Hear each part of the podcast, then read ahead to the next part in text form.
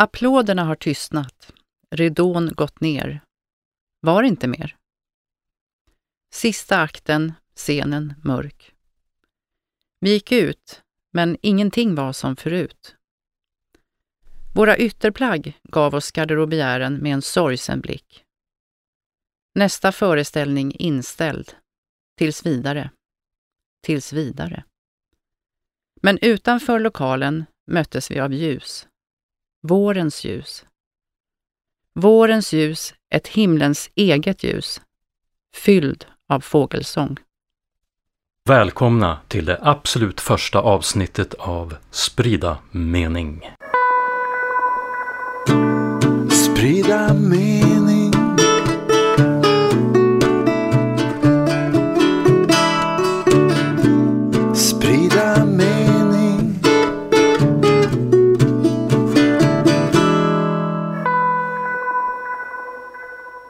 Den här dikten som heter I coronaskuggan, den var inskickad av Gun som bor utanför Härnösand. Och det här är alltså det allra första avsnittet av Sprida mening och jag sitter här tillsammans med dig, Hasse Lundqvist. Och jag sitter här med dig, Boel Karlin.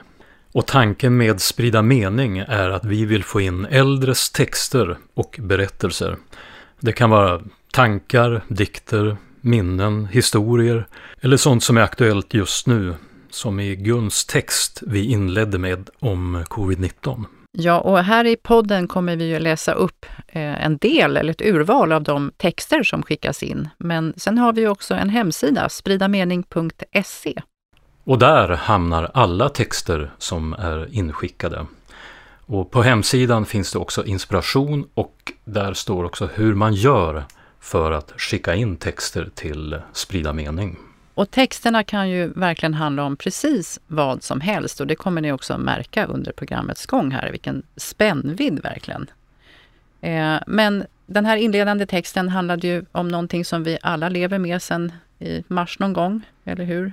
Eh, mm. Det har ju påverkat inte minst det här projektet. Ja, ja. I, I början, det började förra året och då kunde kunde vi åka runt och träffa människor på ett sätt som vi inte kan göra nu. Vi hann ju bland annat åka ut till ett boende i Hässelby och träffa Inga-Lill som hade ett minne om Hepstars. Det vill vi höra på. Jag kan texterna. Jag kan texterna. Cadillac, Sunny Girl, man är hes ibland. Hepstars. Jag kan texterna. Jag kan texterna. Jag minns mitt 60-tal. Svenne Hedlund, Christer och Benny. Hepstars. Ja, det var nästan skönt att få gå tillbaka i tiden lite grann här mm. och lämna nuet. Och den här texten Hepstars, den har vi gjort en slagdänga av som man kan ja, man kan gå in på spridamening.se och på texter och klicka på Hepstars så får man den här låten. Ja, vad härligt. Sprida mening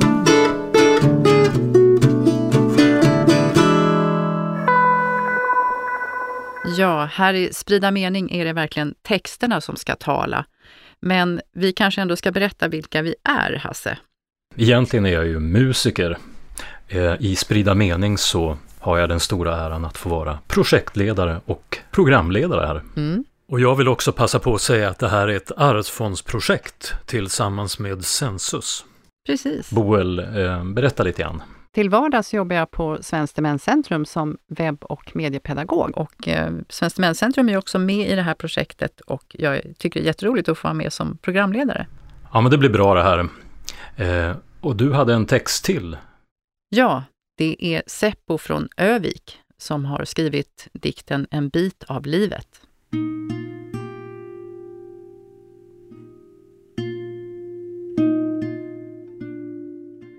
Jag vill inte tala om det dåliga. Jag har så många minnen som jag inte vill minnas. Negativa minnen. Jag minns dem, men jag vill inte tala om dem. Och så finns eh, motsatsen, de positiva. Jo, de är ganska många de också. Jag har till exempel klappat en älg, Han brydde sig inte, han sa ingenting. Livet är mycket, kontoret är fullt. Hopplöst fall. Jag har en bild av mamma i plånboken där hon är 11 år och väger 13 kilo.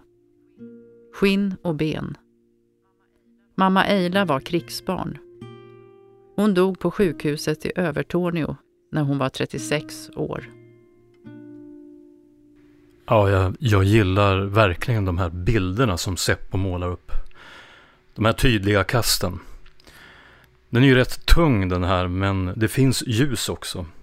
Vem vill inte klappa en lugn älg? Och Seppo är i ett gäng i Övik som gillar att skriva texter. Och det kommer bli mer från dem i kommande poddar. Det ser vi verkligen fram emot. Och nu Hasse så tror jag att du ska läsa en väldigt speciell text. Ja, det kan man verkligen säga. Eh, och den är från Lars från Medes 5 här i Stockholm och heter Domsöndagen.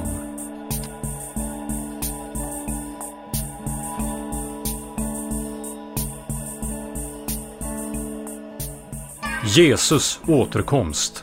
Jesus återkomst. Jesus kommer snart. Han kommer bli förskräckt. Han kommer bli förvånad. Tåg, bilar, bussar, flygplan, stress, mycket folk. Han blir glad när Stefan Löfven är statsminister. Det vackra vädret. Han blir glad åt operamusik. Det är min grej. Musikaler. Jag tror att han tycker om Jesus Christ Superstar. Han kommer att njuta. Jag gissar att han har humor. Jag tror han har humor. Han kommer att skratta åt filmen SOS. När de åkte i sjön. När de vispade glass med båtmotorn. En del tror att han hittar på. Jag tror han kommer tillbaka. Kommer någon och säger att han är Jesus, säger jag äntligen. Alltså den här texten är så härlig. Jag blir verkligen glad när jag hör den. Den är nästan lite crazy om man får säga så.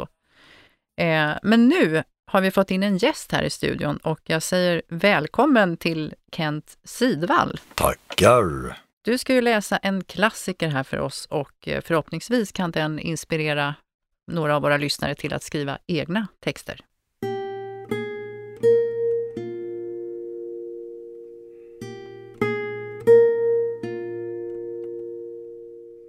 Kärleken kommer och kärleken går. Ingen kan tyda dess lagar. Med dig vill jag följa i vinter och vår och alla mina levnadsdagar. Mitt hjärta är ditt, ditt hjärta är mitt och aldrig jag lämnar det åter. Min lycka är din, din lycka är min och gråten är min när du gråter. Kärleken är så förunderligt stark kuvas av intet i världen. Rosor slår ut ur den hårdaste mark och sol över mörka gärden. Mitt hjärta är ditt, ditt hjärta är mitt och aldrig jag lämnar det åter. Min lycka är din, din lycka är min och gråten är min när du gråter. Kärleken kommer av Nils Ferlin, en riktig klassiker. Och vi har ju samlat ihop ett gäng eh, klassiker på hemsidan spridamening.se och de är inte bara inlästa, det finns väl även en del med musik till, Hasse? Precis. Musik och framförallt låtar är ju som dörröppnare till minnet. Ja, och det kan ju verkligen inspirera till att man skriver egna berättelser om sitt eget liv. Och Ett liv, det heter nästa dikt som är skriven av Helena i Vällingby.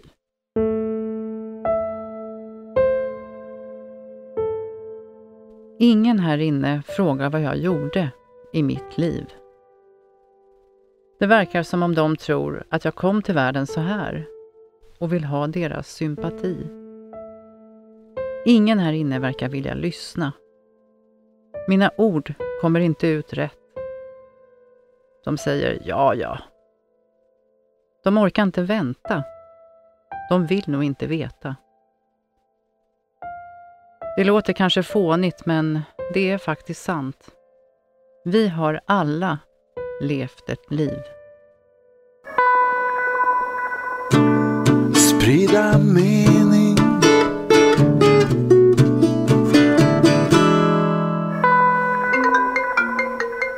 Ursäkta, men har du inte stängt av mobiltelefonen? Nej, förlåt, jag har inte det. För att jag väntar ett viktigt samtal från Karl Johan och det är han som ringer här tror jag. Jaha, vilken Karl-Johan? Karl Johan De Geer. Hej Karl Johan, välkommen till Sprida mening. Hej hej! Hade du en text som du ville läsa för oss? Ja, eh, och, och, och den handlar om åldern och jobbet. Varsågod. Tack. Paul Holländer. Namnet fyller mig med minnen. Paul blev känd som deltagare i en tidig version av Expedition Robinson. Sedan var han känd som konstnär och dokumentärfilmare. Han gjorde filmer som Bye Bye Beauty, Olle Ljungström i Afghanistan och Kapten Klänning. Det blev bråk om filmerna, liksom om hans mer traditionella konst. Till exempel utställningen i Göteborg med vitt pulver i stora högar där ryktet sa att det fanns knark gömt i dessa. Efter många år tröttnade han. Stod inte ut med allt bråk och alla diskussioner som ibland formade sig till rena angrepp. Han bestämde sig för att lämna samtidskonsten. Fast han var en av dess främsta utövare i Sverige. Att vara filmproducent blev hans nya renodlade yrke, vilket fyllde honom med lättnad. Och i denna roll hörde han av sig till mig för tre år sedan. Hans fråga var, ville jag bli programledare för ett tv-program om svårtolkad konst? Jag inbjöds att diskutera saken under en lunch på Operabaren. Denna förtjusande plats för affärsmöten. Jag infann mig på utsatt tid. En underbar jugendinredning, oförändrad under hundra år. Lamporna glimrar. Personalen kan betecknas som mer än artig, snarare omhändertagande. Bord var beställt. Närvarande var Paul, jag själv, en då 79-årig konstnär, yrkesverksam på heltid. Samt en vänlig man presenterad av Paul som formatchefen. Format kallas de av upphovsrätt skyddade programidéerna, till exempel Expedition Robinson, Bonde söker fru, Paradise Hotel och massor av andra. Vi pratade om den tänkta programserien som skulle planeras utan att någon tv-kanal ännu var vald. Så jobbar tydligen de stora bolagen.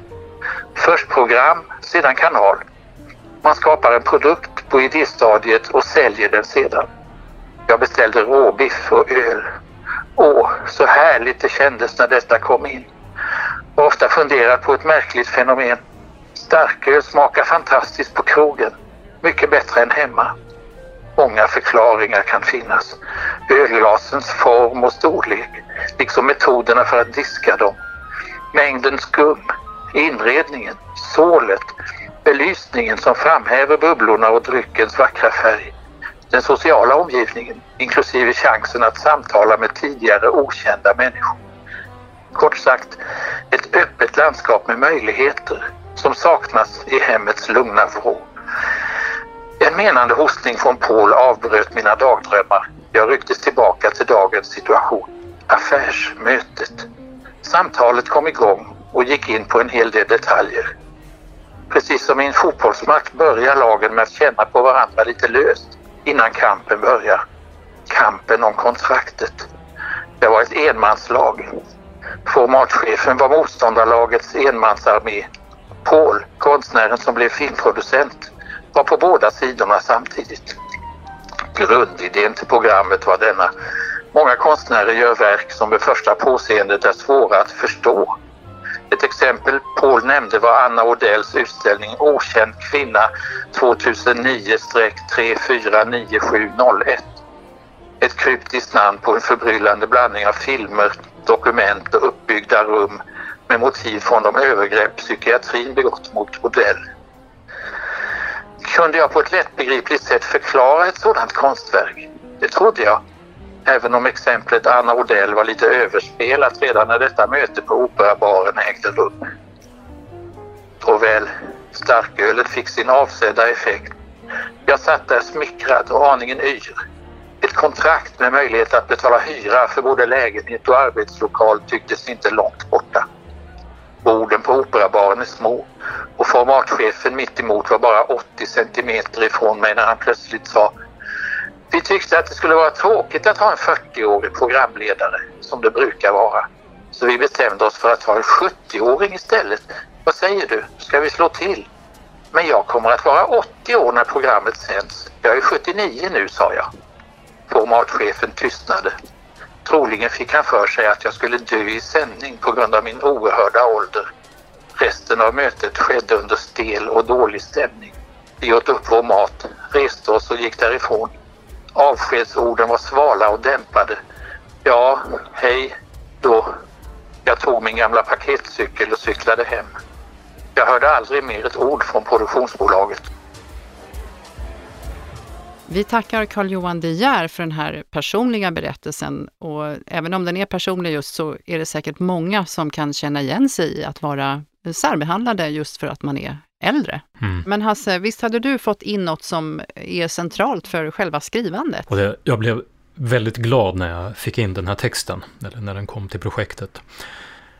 Att skriva är roligt, att skriva är fest. Liksom det, ja, som på beställning. Men här kommer den i alla fall. Pennan av Lars-Ove i Hässelby.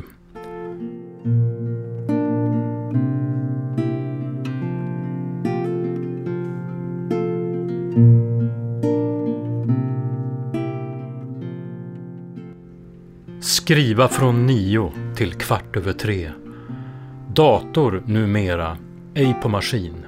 Ofta som fritiden, hela köret. Pennan. Jag jobbar med pennan. Att skriva är roligt.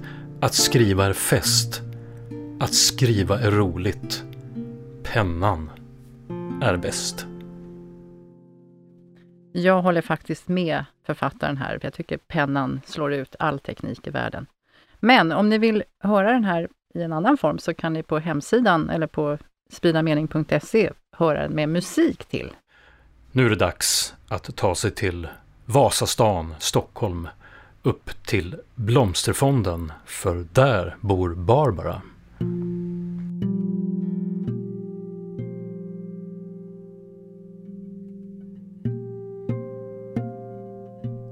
Från det att jag var ett och ett halvt år gammal tills att jag var sju bodde jag inte med min mamma och pappa. De bodde i Berlin där min pappa blev satt i fängelse och sen i arbetsläger. Det var på 30-talet i Tyskland där Hitler hade tagit makten. Min pappa var demokratisk socialist och dömd för det. Och honom hade jag aldrig träffat. Jag bodde hos min mormor i Ungerns huvudstad Budapest. Där i lägenheten var många sjuka i tre rum och kök bodde förutom mina morföräldrar en blind moster, en blind morbror samt en fungerande morbror. Och ibland en morbror till. Jag sov i en spjälsäng inne i mormor och morfars rum. Mamma kom på besök ett par gånger och fick sova inne i vårt rum hon med. Jag fick inte leka i lägenheten med två blinda som kunde trilla på leksakerna. Men jag hade två lekkamrater som bodde i huset. Otto och Marta. Martas familj hade ett stort matrum med ett matbord som vi lekte under. Vi lekte alltid sjukhus eftersom alla hos mig jämt var sjuka. Jag skulle bli doktor. När pappa blev släppt ur arbetslägret utvisades de till Prag, där de blev kvar fast de ville komma till Sverige. 1937 skrev de ett brev där de ville att jag skulle komma till dem så att de kunde fly vidare till Sverige eftersom de också var judar och i fara. Jag dikterade ett långt brev för min mormor och svarade att jag vägrade. Jag ville vara kvar där hos mormor och morfar. Saken var den att jag hade det bra där. och styrde och ställde som sjuåring rätt mycket som jag ville över familjen. Men till slut blev det av ändå och jag fick träffa mamma och för allra första gången också min pappa vid tågcentralen i Prag. Jag såg mycket bestämt på honom, uppifrån och ner. Du ska inte tro att jag tänker kalla dig pappa. Du är Stefan. Han tittade tillbaks på mig innan han svarade lugnt. Jaha, Stefan. Jag fortsatte kalla honom Stefan tills att jag var tolv. Ett halvår senare flydde vi till Sverige där de hade vänner. Och jag blev mycket riktigt också, som jag hade tänkt mig, doktor. Jag träffade en engelsk flygare som jag gifte mig med och vi fick två pojkar, Stefan och Ricky, samt en dotter, Ann. Jag har haft ett bra och rikt liv. Bor nu på Blomsterfonden och har ett trevligt landställe på en ö i Mälaren. Av mina två lekkamrater under matbordet i Budapest överlevde Marta kriget. Otto blev som 14-åring 1944 skjuten av pilkorskrigare i Budapest. Ja, verkligen stark text av Barbara. Och fint att hon vill dela med sig av hennes livshistoria. Ja, nu börjar det dra ihop sig här. Ja, tiden går fort det här första programmet tycker jag. Men eh, frågan är, har du någon värdig avslutning, Hasse? Mm. Det är någonting man dricker. Mm. Det här är Gunnars text och jag blev faktiskt inspirerad att göra en låt av den. Mm, något sånt här. Smakar underbart Underbarare än underbart. Smakar underbart. Bättre ju äldre det blir. Nu händer något här. Nu kommer Martin Rössel, vår producent, in här i Hej rummet. Martin! Ja, ja. Ursäkta att jag bara brakar in så här, men jag hörde faktiskt något när, när jag hörde den där fina melodin. Kanske en, en andra stämma. Vi prova? Smakar underbart Underbarare än underbart Smakar underbart. Bättre ju äldre det blir. Rödvin är det godaste. Godare än godaste.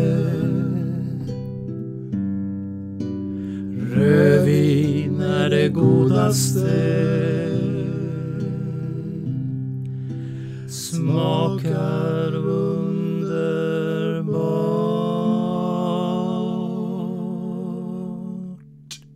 Så vackert. Och blir man inte sugen på rödvin av det här, då vet jag inte vad. Eh, men det var verkligen en värdig avslutning. Ja, nu blir jag lite tjatig om det här med hemsidan men spridamening.se Där finns ju alla texter och eh, musik, inspiration och hur man gör för att skicka in texter och berättelser till Sprida Mening. Ja, och där ligger ju även det här avsnittet och alla kommande avsnitt. Eh, men det var väl allt. Ja, Boel, hej då! Hej då. Sprida mening